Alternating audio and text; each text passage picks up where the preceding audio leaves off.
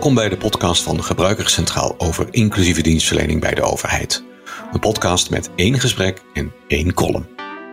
Deze aflevering gaat over doelgroepen. Hoe speel je bijvoorbeeld in op een doelgroep die moeilijk bereikbaar is? Ik sprak hierover met Marianne Schimmel, business consultant bij het UWV. En naar dat gesprek gaan we zo luisteren. Daarna volgt de column Wat zegt de wetenschap? Een column van Lidwien van der Wijngaard. Maar nu eerst wat meer over inclusieve dienstverlening. Iedereen moet mee kunnen doen, maar hoe weet je dat bij dienstverlening? En hoe meet je dat? En kan dat? Ik ben Wolfgang Ebbers, hoogleraar aan de Erasmus Universiteit Rotterdam en adviseur bij PWLQ. En samen met Lidwien van der Wijngaard, hoogleraar communicatie aan de Radboud Universiteit Nijmegen en verbonden aan bureau Anne, heb ik dit onderzocht. En dat resulteerde in het toetsingskader inclusieve dienstverlening een methodiek om concreet te toetsen inclusief overheidsdienstverlening is. Meerdere elementen in het toetsingskader hebben te maken met doelgroepen. Zo leert het toetsingskader dat je gebruikers moet betrekken bij de ontwikkeling van diensten. Of dat je voor de gebruiker relevante informatie moet aanbieden. En dat je let op de begrijpelijkheid van informatie. Kortom, leef je in in je doelgroep. Maar dat is makkelijker gezegd dan gedaan. Want wat als je met moeilijk bereikbare doelgroepen te maken hebt? Hoe leer je die kennen? Hoe verdiep je je daarin? Daarover ga ik in gesprek met Marianne Schimmel. Ze deed een project voor jongeren met gedragsproblemen en hoe deze groep is voor te bereiden op de arbeidsmarkt. Ze vertelt zo dadelijk onder meer over inschakelen van professionals en ervaringsdeskundigen en het organiseren van een festival waarin jongeren werken aan een prototype. En als u zo dadelijk denkt, wat klinkt hij toch zacht? Dan zit zo. Het gesprek is opgenomen via Skype, terwijl ik in de meterkast zat. Op de vlucht voor het geluid van verkeer en spelende kinderen buiten. Want ja, uh, corona en zo. Het is uh, augustus uh, 2020. We zitten nog midden in de coronamaatregelen. Dus we hebben besloten om dit gesprek online te voeren. welkom Marjan. Dankjewel. Uh, Marjan, je bent bij het UWV betrokken geweest bij de hackathon Hack the Crisis, waar je in een team gewerkt hebt aan een idee om jongeren vanuit cluster 4 onderwijs uh, voor te bereiden op uh, de arbeidsmarkt. En om deze groep te helpen wil je een zogenaamde ik box gaan ontwikkelen. Samen met deze jongeren. De IK-box, dus IK-box. De IK-box is zoals jullie zeggen een do-it-yourself box. Die inspringt op de unboxing trend onder jongeren. Um, wat dit voor onze community of practice zo interessant maakt, is dat je je verdiept in deze vaak moeilijk bereikbare groep. En moeilijk bereikbaar voor de overheid, moeilijk bereikbaar ook voor onderzoek en samen diensten ontwikkelen. En daarom gaan we heel graag met jou in gesprek en wil ik je een aantal vragen gaan stellen. En om te beginnen, cluster 4 in het onderwijs. Wat is dat voor groep? Hoe groot is deze groep? En wat maakt dat deze groep bij jullie in de aandacht staat? Dus cluster 4, daar wil ik graag wat meer over weten. Vertel eens. Ja, cluster 4 valt onder het speciaal onderwijs in Nederland. En uh, het speciaal onderwijs in Nederland bestaat uit vier clusters. Uh, cluster 1 is voor blinde en slechtziende kinderen. Dan hebben we cluster 2, dat is voor de dove, slechthorende kinderen en kinderen met een taalontwikkelingsstoornis. Cluster 3 is voor de motorisch en verstandelijk gehandicapten. En tot slot cluster 4 richt zich op kinderen met psychische stoornissen en gedragsproblemen. Nou, op een, uh, een cluster 4 school er zitten dus kinderen met ernstige gedragsproblemen um, of een, een, psychiatrische stoornis. En dat kan aangeboren zijn of bijvoorbeeld door factoren buiten de leerling uh, veroorzaakt zijn. Mm-hmm. En het reguliere onderwijs is vaak niet geschikt voor deze leerlingen. En cluster 4 onderwijs richt zich op leerlingen tussen de 5 en 20 jaar. En in 2019 zaten er bijna 61.000 leerlingen totaal op cluster 3 en cluster 4. Nou, en een school richt zich met name op de sociaal-economische ontwik uh, emotionele ontwikkelingen van deze leerlingen. En het biedt veel structuur en uh, leert de leerlingen omgaan met problemen. En wat je vaak ziet met speciaal onderwijs is dat de kloof best wel groot is van uh, het onderwijs naar de arbeidsmarkt toe.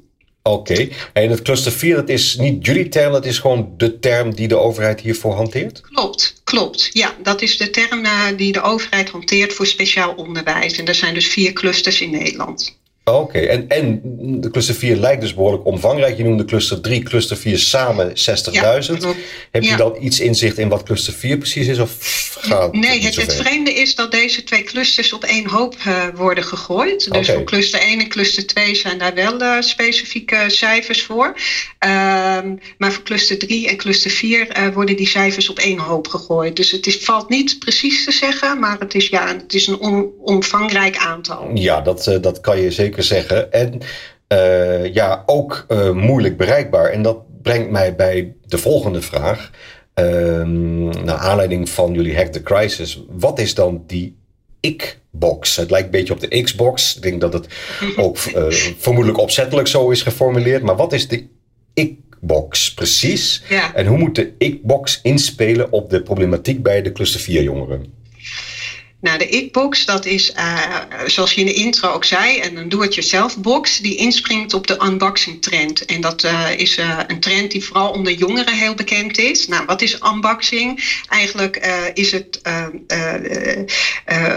dat veel influencers die krijgen promotiemateriaal vaak toegestuurd, boxen toegestuurd en die gaan zij uitpakken voor de camera op YouTube en daar geven zij allerlei commentaar op. Wat is het product? Wat vinden ze ervan? Wat kan je ermee? Mm nou, dat is razend populair. Okay. Um, en wij hebben gedacht van, nou, om daar op die trend in te springen en jongeren een box toe te sturen, echt een, een tastbare box, met daarin uh, challenges, waarbij we jongeren, uh, waarbij we aansluiten op de belevingswereld van jongeren, maar jongeren ook stimuleren om op een positieve manier aan de slag te gaan met challenges. Um, en daarbij ook een koppeling te, leg, uh, te leggen naar de online belevingswereld. Nou, om een voorbeeld te geven. Uh, van zo'n challenge. Dat kan bijvoorbeeld zijn de challenge Ikbox Talent.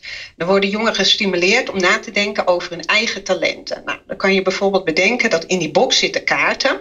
Ja. Met afbeeldingen van talenten. Uh-huh. Die uh, jongeren ook aanspreken. Denk aan vloggen, uh, denk aan fotograferen, make-up, nail art of gaming. Ja. Nou, op die kaarten staan ook verwijzingen naar andere bekende personen die dit talent bezitten. Bijvoorbeeld bij make-up razend populair onder jongeren is Nikki Tutorials. Ja. Um, en we geven aan van nou, als je nou heel goed bent in make-up of nail art, uh, wat, welke talenten beschik je dan eigenlijk? Je kan heel precies werken, je bent creatief, je hebt geduld. En dat koppelen we eigenlijk naar beroepen en naar competenties.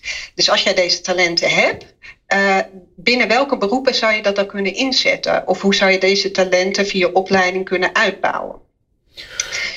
Dus vervolgens um, op die uh, kaarten zetten we ook een QR-kaart, mm -hmm. uh, een QR-code. En mhm. daarmee worden ze doorverwezen naar een website met bijvoorbeeld een online training of een webinar om verder aan hun talent te werken. Oké, okay, dus het klinkt als een speciale aanpak. Uh, hè, dat je mensen uh, helpt om hun talenten te ontdekken. Ehm, dat is wat ik er zo uithaal. Maar hoe speelt dat nou in op de problematiek bij cluster 4? Wat, wat, wat maakt dat dit voor de jongeren zo geschikt is?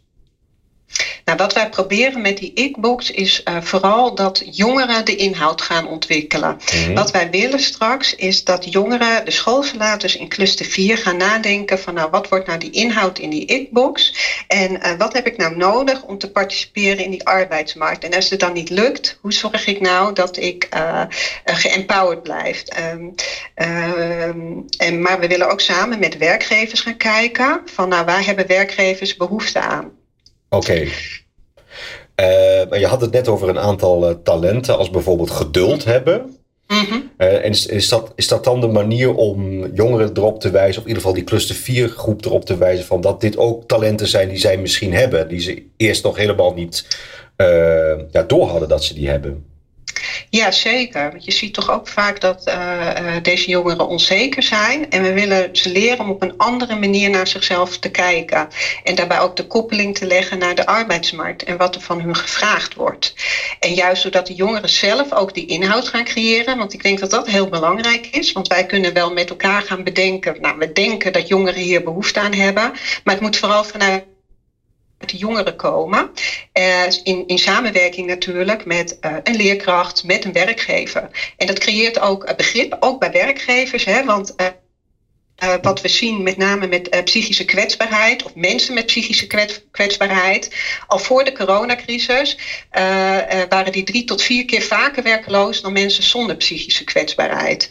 En we zien dat werkgevers ook minder geneigd zijn om mensen met psychische kwetsbaarheid aan te nemen. Okay. En dat heeft er ook mee te maken dat het stigma wat er heerst en dat er toch weinig informatie is wat het dan betekent. Oké, okay, maar dit, dit zijn hele, uh, we zeggen meer algemene uh, kenmerken van, uh, van deze groep. Hè, die kun je uit de, de mhm. statistieken halen. Maar uit je verhaal haal ik ook dat je um, je verdiept hebt in, in deze groep. Hè, want je benoemde net al van dat die jongens en meisjes vaak onzeker zijn. Um, hoe zijn jullie te werk gegaan om, om deze doelgroep beter te leren kennen eigenlijk? Want ik kan me voorstellen uh, ja, dat ze niet bij jullie in de bedrijfskantine zitten. Uh, nou ja, wat, we eigenlijk gedaan hebben met de hackathon. Kijk, zo'n hackathon dat is maar een paar dagen. Hè, waarbij je eigenlijk in een soort uh, pressure cooker zitting met elkaar wat bedenkt. En het is in het weekend, dus het was ook heel moeilijk om in dat weekend dan ook jongeren te bevragen. Wat we gedaan hebben, uh, we hebben wel uh, mensen vanuit cluster 4 onderwijs bevraagd en wat dingen voorgelegd. Wat is dit reëel? Maar ja, die hackathon is maar drie dagen en dan heb je een idee. Wat we daarna gedaan hebben, is we hebben gekeken van nou, wie zijn nou die stakeholders om die jongeren heen en wie hebben we allemaal nodig om van dit idee een prototype te maken. Um, en de afgelopen maanden hebben we een aantal enthousiastelingen om ons heen verzameld, ook ervaringsdeskundigen. En het idee is nu om in november, in november uh, start Dorp. En Dorp dat is een uh, initiatief in Leeuwarden wat jaarlijks wordt georganiseerd. Een soort mm. mini-maatschappij voorafgaande aan een uh, festival, Welcome in the Village, mm. waarbij uh, jongeren, uh, young professionals en afgestudeerden werken aan opdrachten.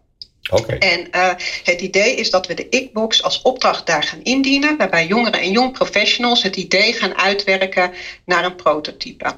En het mooie daarvan is, is dat tijdens het festival, nou, dat ziet er dit jaar iets anders uit vanwege corona, men het ook gelijk kan testen, heel breed kan, kan testen bij het festival publiek. Oké, en is dat dan uh, die cluster 4 groep, die uh, jongeren die dan komen? -hmm. of?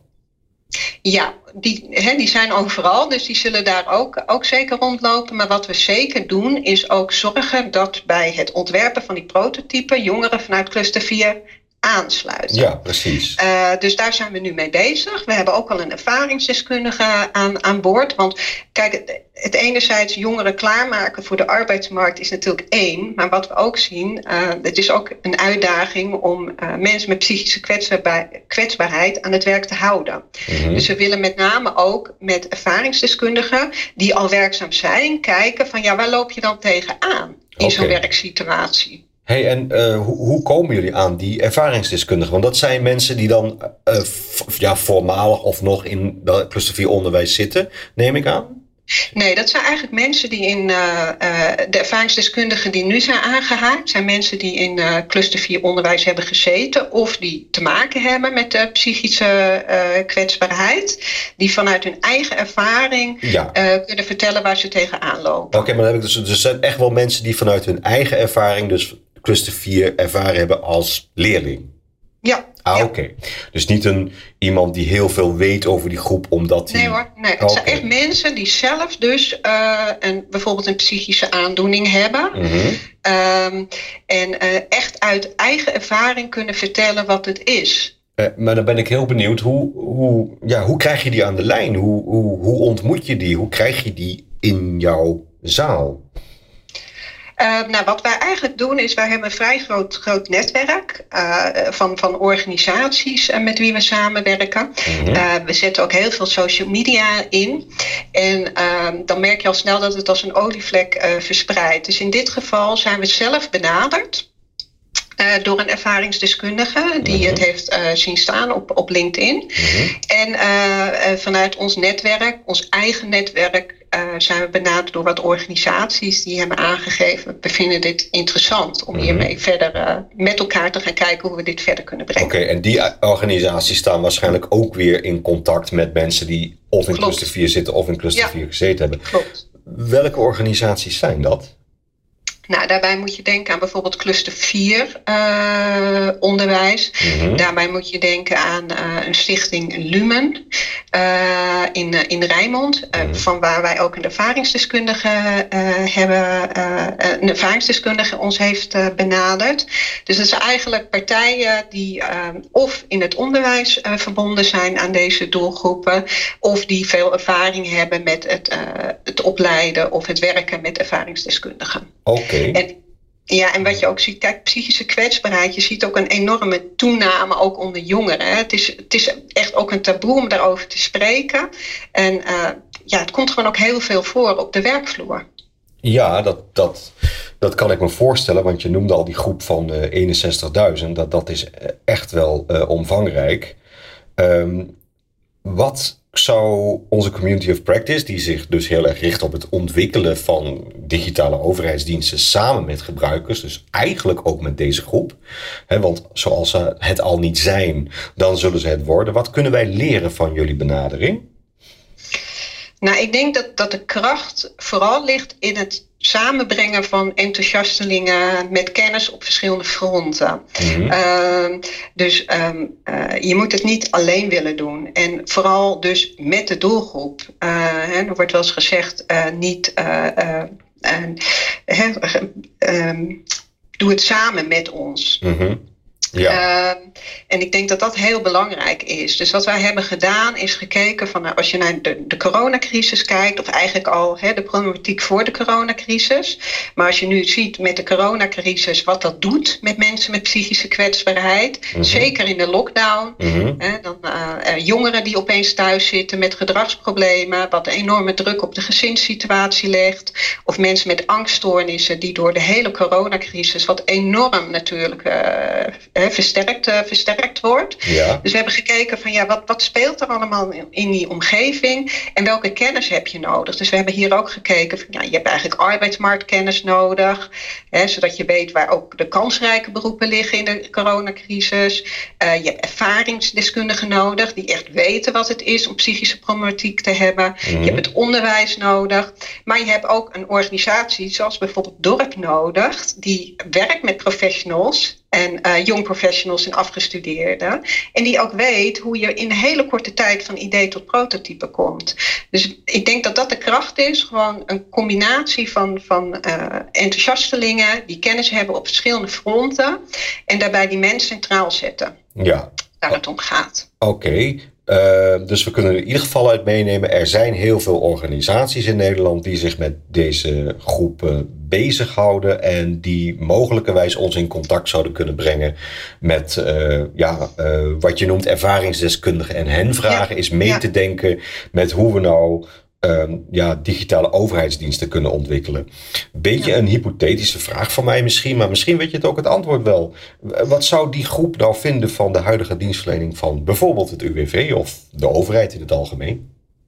Nou, ik denk dat eh, vooral als je naar jongeren kijkt, dat die er eigenlijk weinig van vinden. Hè? Dat, dat, dat wij heel onzichtbaar zijn voor jongeren. Ze leven heel erg in het hier en nu. Mm UWV zegt ze vaak ook helemaal niks. Mm gemeentedienstverlening dan wat meer misschien. En pas op het moment dat ze een arbeidsverleden hebben en werkeloos worden, komen ze in aanraking met UWV. Hè? En dan zijn er opeens ook allemaal rechten en plichten uh, uh, waar ze rekening mee moeten houden. Dus ik denk over het algemeen dat jongeren heel weinig vinden van de overheid. En dat we nog heel erg onzichtbaar zijn voor jongeren. Um, ja, dat heeft natuurlijk deels te maken met dat je onder een bepaalde leeftijd nog niet verplichtingen hebt. Hè? Dus je hebt gewoon alleen al door je leeftijd en de leeftijdsgrens nog niet zo heel veel te maken met de overheid. Ja. Uh, zou ons er niet van mogen ontslaan deze groep te negeren, denk ik zelf. Nee, ik denk, en ik denk dat daar ook de kracht ligt, dat we veel meer ook uh, uh, moeten samenwerken met, de on, met het onderwijs. En jongeren moeten klaarstomen um, voor uh, die arbeidsmarkt. Zeker als je kijkt naar speciaal onderwijs, wat een hele beschermde omgeving is, waar jongeren eigenlijk opgroeien. Hè? Kleine mm-hmm. klasjes, heel veel aandacht en heel veel begrip voor hun beperking. En op het moment dat ze uitstromen naar, uh, van het onderwijs en in de arbeidsmarkt terechtkomen, dan merken ze eigenlijk dat een hele hoop mensen gewoon niet weten wat hun beperking is en dat er geen begrip is. Dus dat is een, uh, ja, die kloof is gewoon veel te groot. Oké, okay, ja, het werkt natuurlijk ook andersom, hè, dat uh, ja. de overheid meer inzicht moet krijgen in deze groep natuurlijk. Ja, oké. Okay, ja, okay. Uh, ik wil je van harte bedanken voor dit gesprek en wellicht zien we elkaar nog een keer in de toekomst. Zeker, graag gedaan. We luisterden zojuist naar het gesprek met Marianne Schimmel. En dan gaan we nu door naar de column Wat zegt de wetenschap? Daarin kijkt Lidwien vanuit wetenschappelijk oogpunt naar inclusieve dienstverlening. Vandaag in haar column Hoe wordt in het toetsingskader de inclusiviteit van gebruikers in kaart gebracht? Hoe verzamel je data met meningen van een doelgroep op een inclusieve manier? Toetsingskader inclusieve dienstverlening maakt onderscheid tussen de aanbodkant en de gebruikerskant. Om de mate van inclusiviteit vanuit de aanbodkant in beeld te brengen, kun je te raden gaan bij beleidsnota's, dienstverleners of mensen van ICD. De informatie die nodig is om inclusiviteit vanuit het aanbodperspectief vast te stellen, is redelijk eenduidig en laat zich goed samenvatten aan de hand van bijvoorbeeld checklists. Het in kaart brengen van inclusiviteit aan de gebruikerskant vereist even een andere aanpak. Maar hoe breng je inclusiviteit vanuit een gebruikersperspectief in kaart? En vooral, hoe doe je dat op een inclusieve manier? Welkom bij Wat zegt de wetenschap? Ik ben Lidwien van de Wijngaard. In deze column kijk ik vanuit wetenschappelijk perspectief naar inclusieve dienstverlening. Wat zegt de theorie? Hoe is dat relevant? Op welke manier kun je onderzoek inzetten en tegen welke vraagstukken loop je op? Vandaag inclusieve dataverzameling. Een belangrijke vraag is bijvoorbeeld hoe meet je inclusiviteit? Hoe geven mensen antwoord op vragen die je hebt gesteld? Sociale wenselijkheid speelt misschien een belangrijke rol. Vandaag wil ik het echter hebben over nog een ander vraagstuk. Hoe verzamel je data op een inclusieve manier?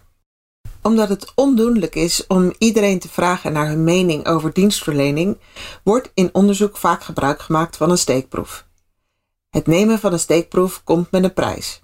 De prijs is generaliseerbaarheid. Kun je op basis van de antwoorden van mensen in een steekproef uitspraken doen over de populatie als geheel? De cruciale factor hierbij is dat de steekproef representatief is voor de populatie waar je uitspraken over wilt doen. In Nederland wordt geschat dat ongeveer 18% van de bevolking laag geletterd is en 30% van de bevolking is laag opgeleid. Verder heeft 10% van de Nederlandse bevolking een lichamelijke beperking en heeft 1% een verstandelijke beperking. Ook heeft ongeveer 24% van de mensen een migratieachtergrond. Als je deze percentages omzet naar het aantal mensen dat je nodig hebt als je een representatieve steekproef van 500 mensen wilt, dan heb je 150 laaggeletterden en 300 laagopgeleiden nodig. Je hebt 50 mensen met een lichamelijke beperking nodig en 5 mensen met een verstandelijke beperking. En dan heb je nog 120 mensen nodig met een migratieachtergrond. Als ik dat allemaal bij elkaar optel, heb je bij elkaar al bijna 500 mensen. Dat is natuurlijk niet de bedoeling. Andersom wil je ook niet dat je steekproef wordt bevolkt door een kleine groep mensen die al die kenmerken in zich verenigt. Dit zijn dan bijvoorbeeld de spreekwoordelijke, laagopgeleide oudere digibeten met een kwaal.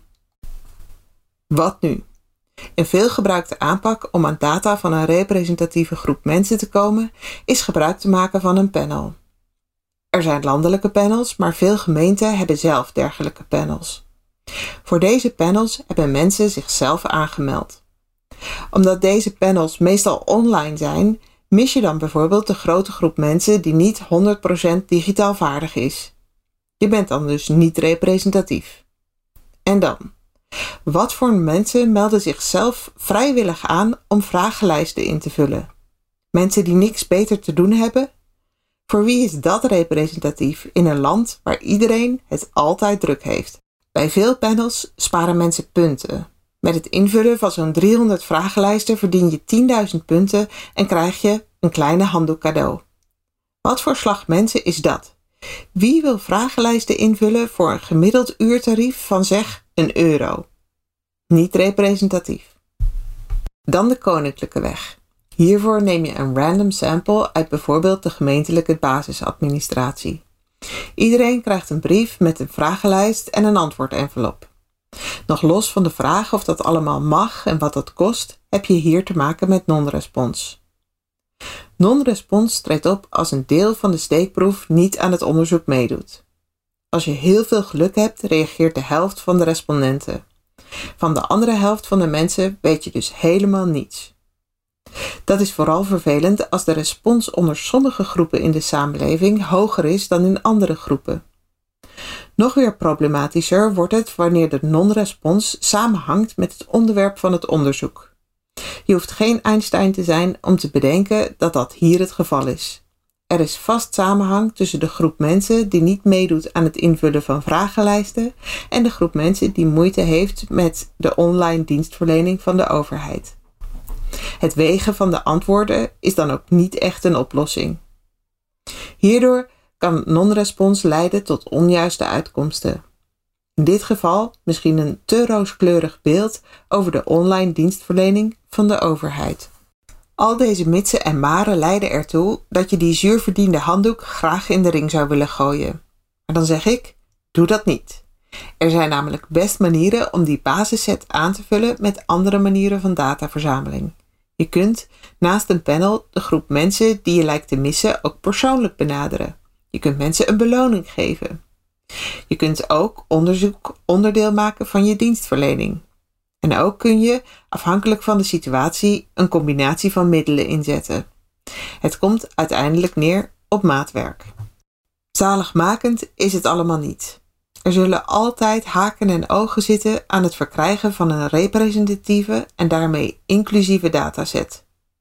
Tegelijkertijd is het veel beter dan helemaal geen onderzoek doen. De einduitkomst is dat, net als bij inclusieve dienstverlening, ook het verzamelen van data op een inclusieve manier tijd en geld kost. Het willen investeren in inclusieve dataverzameling is hierdoor, net als inclusieve dienstverlening, voor een belangrijk deel het maken van een keuze.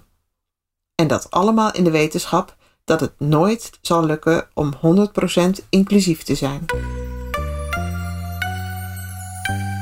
En hiermee komen we aan het einde van de eerste podcast van Gebruikerscentraal over inclusieve dienstverlening. Vandaag hadden we het over doelgroepen. Kennis van doelgroepen is nodig bij meerdere onderdelen van het toetsingskader. Het toetsingskader zegt bijvoorbeeld dat je gebruikers moet betrekken bij het ontwikkelen van diensten. Maar hoe doe je dat op een creatieve manier als je met een groep te maken hebt die moeilijk bereikbaar is? Daarover ging het gesprek met Marianne Schimmel. En hoe verzamel je meningen van doelgroepen over dienstverlening, ook op een inclusieve manier? Daarover en over alle voetangels en klemmen daarbij sprak Lidwien van der Wijngaard in haar column Wat zegt de wetenschap? Bedankt voor het luisteren. Over twee weken zijn we er weer en ga ik in gesprek met Mariette Lokin, strategisch adviseur bij de douane. En ik praat met haar over complexiteit van wetgeving. Volg Gebruikerscentraal en de ontwikkelingen over het toetsingskader via de website www.inclusiekader.gebruikerscentraal.nl. Tot de volgende keer.